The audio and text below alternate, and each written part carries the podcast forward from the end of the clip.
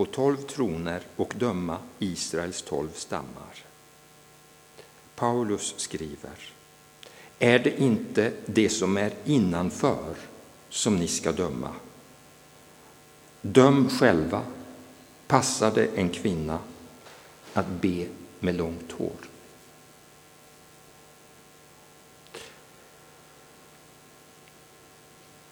Vi kan skilja på ordet bedöma och fördöma.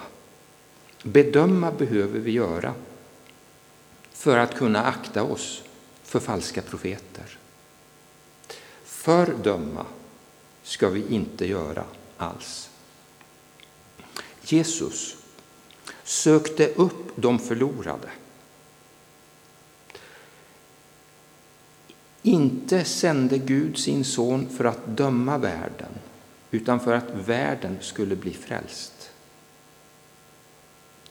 Därför, det, det här handlar om är en attityd mot var och en utav våra medmänniskor.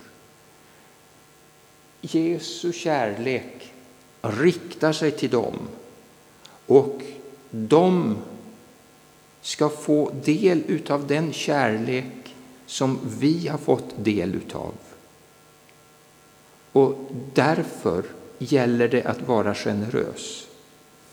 Det gäller att kunna se sakerna ifrån deras utgångspunkt och kunna förstå att det finns skäl för att de gör på lite annat sätt än vad vi skulle ha gjort.